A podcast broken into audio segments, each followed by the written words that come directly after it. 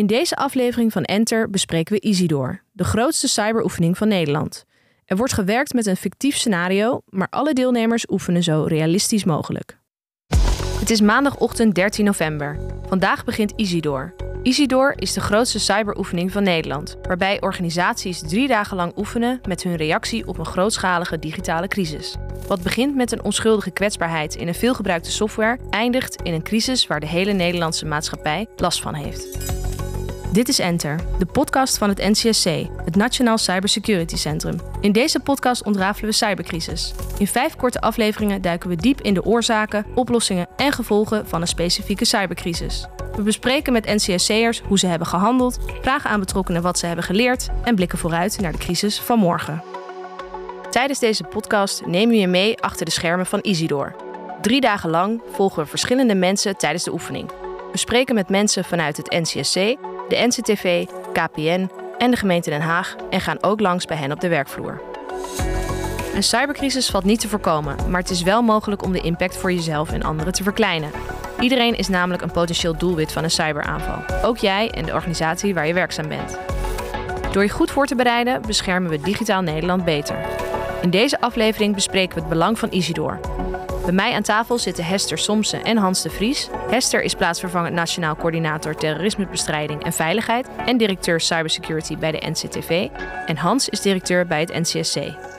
Welkom allebei. Ik ben benieuwd waarom uh, jullie organisaties ervoor kiezen om zo nauw samen te werken bij het organiseren van deze oefening. En Hester, uh, dan begin ik even bij jou vanuit het, uh, vanuit het NCTV. Ja, heel goed.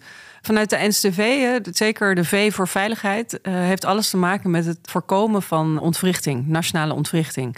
En dat kan door allerlei zaken zijn. dat kan door overstromingen zijn, het kan door een terroristische aanslag zijn, maar het kan zeker ook door een digitale aanval zijn.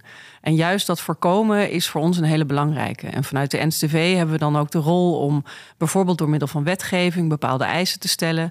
We hebben de Nederlandse cybersecurity strategie opgesteld met heel veel verschillende partners om te kijken hoe we in Nederland ons digitaal weerbaarder kunnen maken op alle verschillende vlakken. En een van de hele belangrijke dingen daarbij is dat je oefent. Oefenen voor een eventuele situatie als er iets mis zou, uh, zou kunnen gaan. Dus vanuit de NCV zijn we daar uh, beleidsmatig uh, mee bezig. En zijn we ook de opdrachtgever van het NCSC. En het NCSC is de operationele coördinator. Die, dus die heeft alle belang bij dat zo'n oefening ook daadwerkelijk plaatsvindt. Hans, jij bent hier natuurlijk vanuit het NCSC. Kun je wat meer over jullie rol vertellen? Ja hoor, uh, het NCSC en de NSTV werken heel nauw samen als je praat over crisiscoördinatie. Uh, en het NCSC focust zich op het digitale domein, dus op het cyberdeel. En op het moment dat er uh, nou, wat geks gebeurt, dan proberen wij natuurlijk te achterhalen wat is er aan de hand. Zodat we op die manier de waarschuwingen kunnen geven aan die organisatie die, voor wie dat relevant is. En wij doen dat vanuit, we noemen het zelfs vanaf de koude fase, maar ook zodra er een incident is of een calamiteit. En op het moment dat het echt heel serieus begint te worden, dan schakelen wij over en dan neemt de NSTV de coördinatie over. En uh, ben ik adviseur aan de NSTV, omdat dan, je dan gaat zien dat een cyberincident heeft zoveel laten we zeggen, fysieke impact, dat daarmee nationale crisis wel uh, genoemd kan worden. Want aan deze oefening doen ruim 120 organisaties mee, waaronder de Rijksoverheid, uh, verschillende gemeenten, provincies, tot ook belangrijke vitale organisaties uit de energie, transport en telecomsector. Waarom is zo'n grote nationale oefening nodig? Nou, wat je ziet eh, bij de, de, laten we zeggen, de digitalisering in de, in de wereld, maar ook zeker in Nederland, we zijn heel erg gedigitaliseerd. Dus al die processen zijn van elkaar afhankelijk. En op het moment dat er erg iets, iets omvalt, er gaat iets verkeerd, heeft dat gewoon domino-effecten. En het gaat ons om die domino-effecten. En het gaat om ons om proberen zo snel mogelijk de boel weer gewoon wat we noemen up and running te houden. Of krijgen en op die manier de weerbaarheid van Nederland zo goed mogelijk georganiseerd te krijgen. Dat is van belang, want we zijn zo afhankelijk van die IT en de, de IT-stromen en de digitalisering die eromheen hangt, dat je wel moet oefenen. En daarom doen we het groots, omdat een klein probleempje ergens kan een cascade-effect geven. En je moet elkaar weten te vinden. Dat, dat is ook het belangrijkste onderdeel van de oefening weet elkaar te vinden als er wat aan de hand is. Ja, en voor ons is het ook heel belangrijk. Hè? Een aantal van de organisaties die je noemt, die hebben echt een vitale functie in Nederland. Dus stel je voor dat het bankverkeer eruit zou liggen, of dat de elektriciteit het niet meer zou doen, of de telecom eh, werkt niet meer. Dat zijn echt zaken waar iedereen in Nederland direct last van gaat krijgen. Dus dan komt die maatschappelijke ontwrichting komt eigenlijk ook direct om de hoek. En daarom is het ook heel belangrijk dat dit soort organisaties uh, heel snel het NCC informeren op het moment dat er iets aan de hand is bij hun. Om te kijken wat is dat. Hè. Soms kan het dezelfde oorzaak zijn. Soms kan het iets anders, uh, een andere oorzaak hebben. Maar om die puzzel te kunnen leggen en ook om te kijken wat doen we dan met de gevolgen. We hebben in Nederland hebben we een hele crisisorganisatie uh, opgetuigd. Dus op het moment dat er iets speelt wat van een breder belang is dan bijvoorbeeld alleen in, in één gemeente of in één veiligheidsregio, dat we dan kijken van wat moeten we hiermee en dat we dan de besluitvorming ook voorbereiden. En het belangrijke aan deze oefening is ook dat je juist ziet hoe belangrijk de private partijen zijn. Uh, zowel in het aandragen van jongens, is bij ons iets aan de hand, maar ook in het aandragen van de oplossingen. Hoe kom je er zo snel mogelijk weer overheen? Dus die uh, samenwerking ertussen is essentieel. Uh, wat, iets wat digitaal in het begin alleen nog maar speelt, daar kan heel Nederland wat van merken. Ja. Dat is ook zo. Ja, Als ik mag aanvullen, hetgeen wat wij oefenen gebeurt in het echte leven ook. Deze opname is op 13 november, maar afgelopen weekend was er in Australië, in de havens, een zodanige grote calamiteit dat daarmee de havens uh, in verschillende steden in Australië gewoon plat liggen. Dus het heeft mega impact. Uh, nou, dat zijn natuurlijk de reden waarom je dit met elkaar wil oefenen om te constateren en hoe reageert Nederland? Welke partijen hebben elkaar nodig? Zodat wij als NCC het beeld kunnen bouwen. Wat is er aan de hand, maar ook welke oplossingen hebben wij? Zodat ik dat weer kan adviseren aan Hester, die dat mee kan nemen naar de ministers voor de keuzes die we hebben te nemen.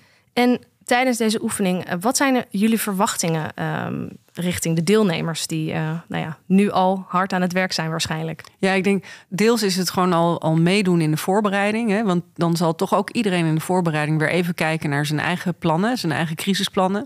Van hoe had ik dat ook weer in elkaar eh, gezet en klopt dat nog wel? Dus het is ook een soort even reality check van hoe zit ik er zelf bij?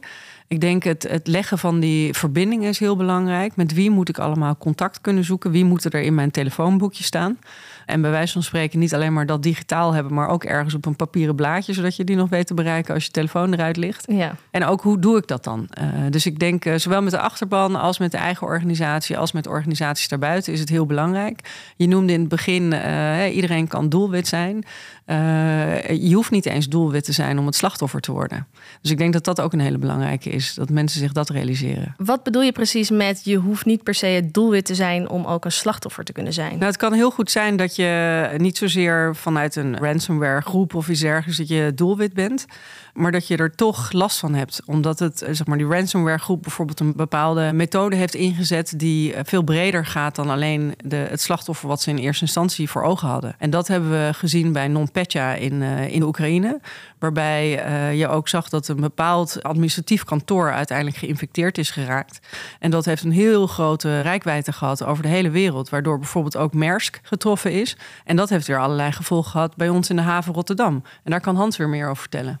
Ja, toen wij uh, constateerden dat bij Maersk een probleem ontstond, was al heel snel duidelijk dat er files ontstonden in de Rotterdamse haven. Heel even kort, wat is Maersk precies? Maersk is een containeroverslagbedrijf in de precies. Rotterdamse haven. Okay. Um, en zij hebben een groot bereik uh, over de hele wereld.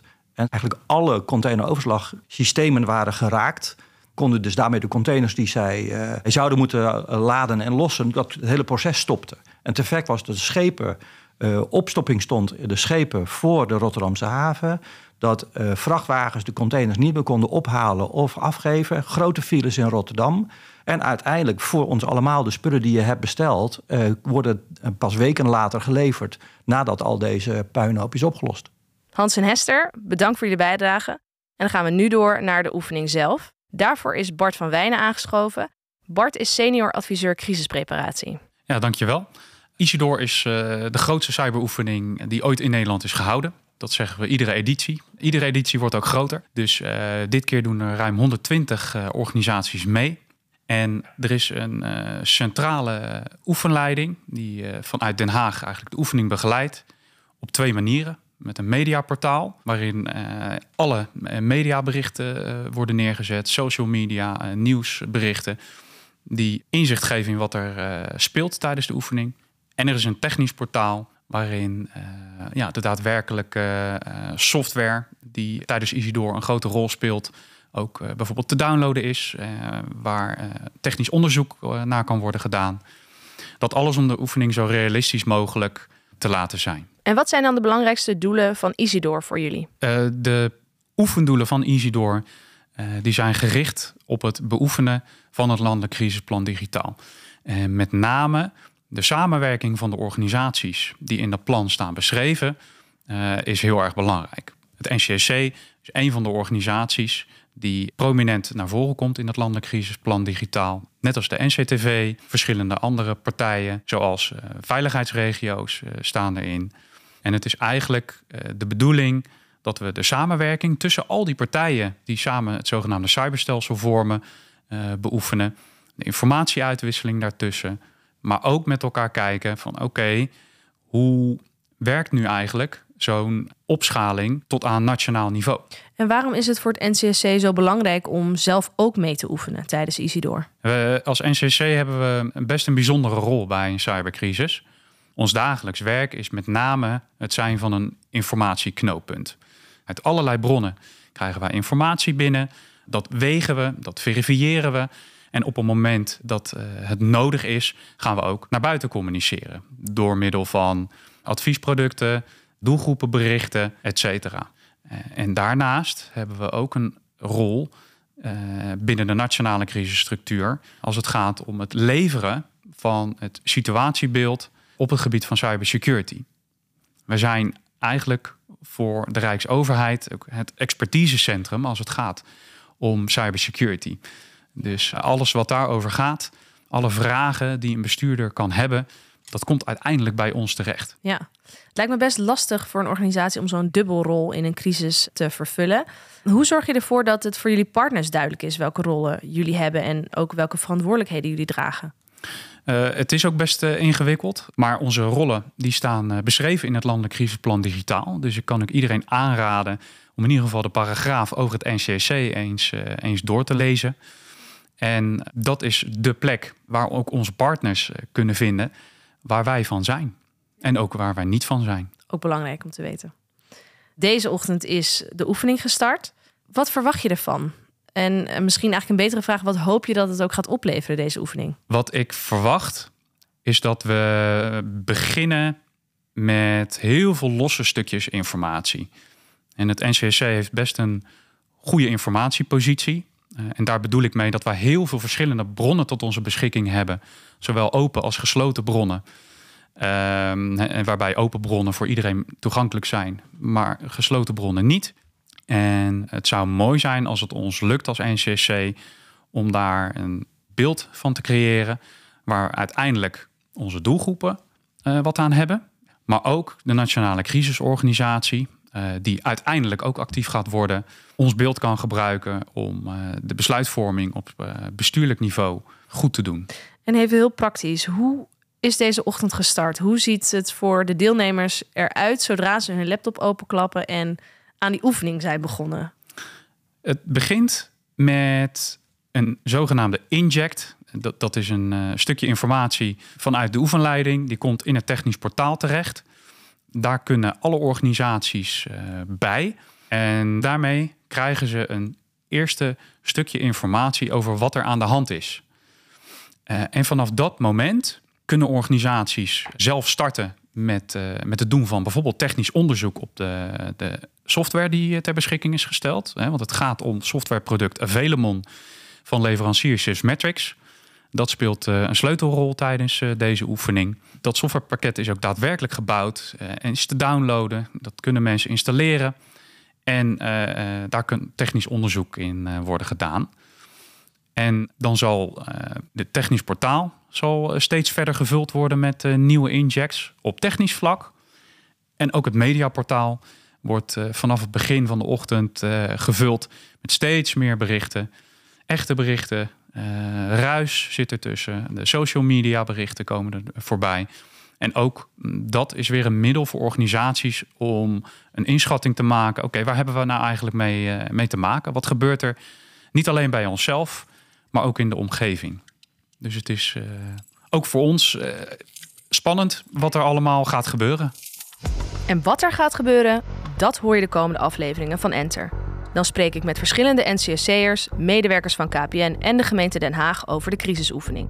Ik ga elke dag langs op de werkvloer om te zien hoe de oefening verloopt.